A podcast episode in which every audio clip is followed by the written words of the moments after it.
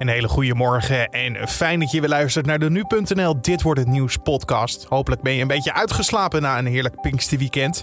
Vandaag aandacht in deze podcast voor het volgende. Wat gaat er namelijk met de rechtszaak gebeuren van de godvader van Brabant na de impasse van vrijdag? Iedereen op de Friese Waddeneilanden krijgen een prik en de eindtoetscijfers worden bekendgemaakt. Dat allemaal zo, maar eerst kijken we kort naar het belangrijkste nieuws van nu. Mijn naam is Carne van der Brink en het is vandaag dinsdag 25 mei. De leiders van de Europese Unie zijn echt helemaal klaar met het regime van Belarus. Dat zei premier Mark Rutte na de EU-top afgelopen nacht. De lidstaten zijn met allerlei sancties gekomen vanwege de Belarussische journalist die zondag werd opgepakt en het passagiersvliegtuig wat gekaapt werd. Zo was Rutte vrij duidelijk. Belarus moet Roman Protasevich onmiddellijk vrijlaten. Dat is de belangrijkste eis. Daarnaast mogen Belarussische vliegmaatschappijen niet meer in Europees luchtruim vliegen. En ook vraagt de Unie aan vliegmaatschappijen in de EU om Belarus te vermijden. Gisteravond maakte KLM bekend dat te gaan doen na een oproep van premier Rutte. De sancties zullen zo snel mogelijk ingaan. De dreiging van gisteren tegen kranten- en televisiebedrijf DPG Media in Antwerpen komt mogelijk van Nederlandse rechtsextremisten. Die zouden van plan zijn geweest om vanuit Nederland naar Antwerpen te komen om een aanslag te plegen bij het hoofdgebouw van DPG. Het gebouw werd erom kort ontruimd gisteravond. En het VTM Nieuws kwam vanuit een andere studio. Want we zenden dit nieuws uitzonderlijk uit vanuit onze noodstudio in ons andere gebouw in Vilvoorde aan de Medialaan. Omdat er in België al dagen gezocht wordt naar een voortvluchtige militair die aanslag zou willen plegen, nam de politie geen enkel risico. Om bij volgende pandemieën beter te kunnen reageren, moet er een nieuwe en landelijke crisisorganisatie komen. Dat zegt de GGD-voorzitter André Rauwvoet in een brief aan de informateur Mariette Hamer, zo meldt NRC. De GGD's vragen om een structurele investering van 600 miljoen euro per jaar van het volgende kabinet. De huidige crisisstructuur was namelijk niet goed voorbereid op een pandemie zoals corona.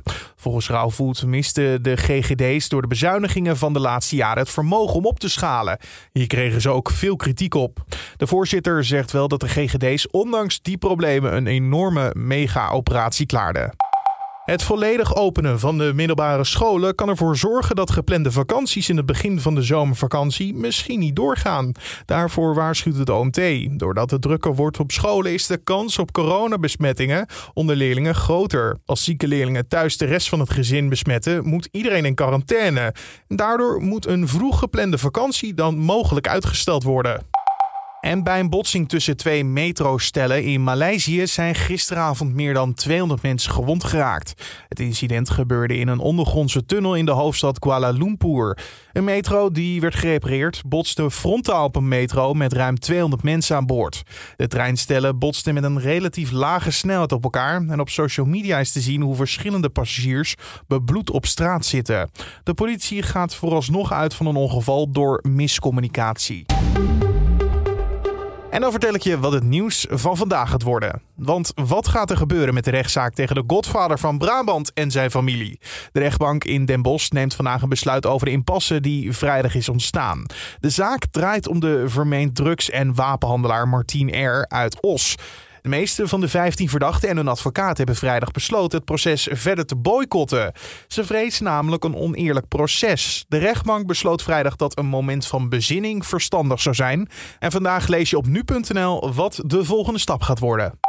Alle volwassen inwoners van de vier Friese Waddeneilanden kunnen zich de komende dagen laten vaccineren tegen het coronavirus.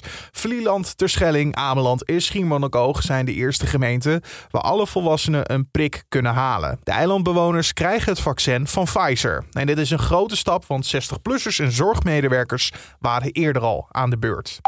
En een spannende dag voor basisschoolleerlingen, want zij krijgen vandaag de uitslag van hun eindtoets. Veel leerlingen zouden de resultaten eigenlijk al eerder krijgen, maar er was meer tijd nodig om de normering aan te passen, omdat door de coronacrisis leerachterstanden zijn ontstaan.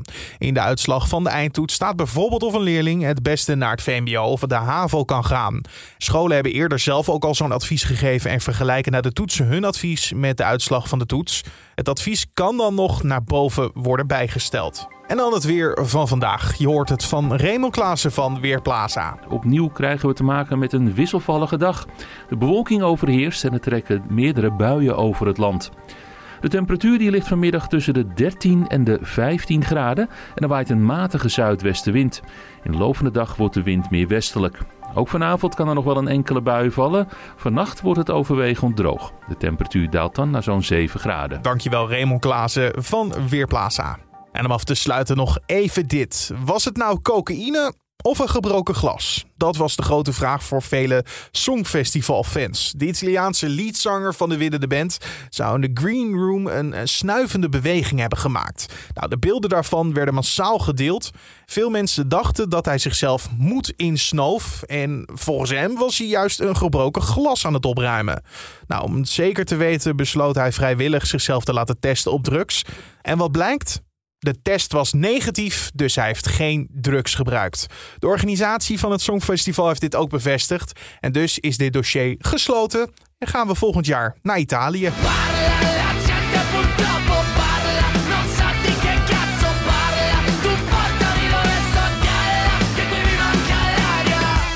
En zo sluiten we ruig deze podcast af voor de dinsdag 25 mei. Je vindt ons in de ochtend en middag op de voorpagina van nu.nl en natuurlijk in je favoriete podcast app.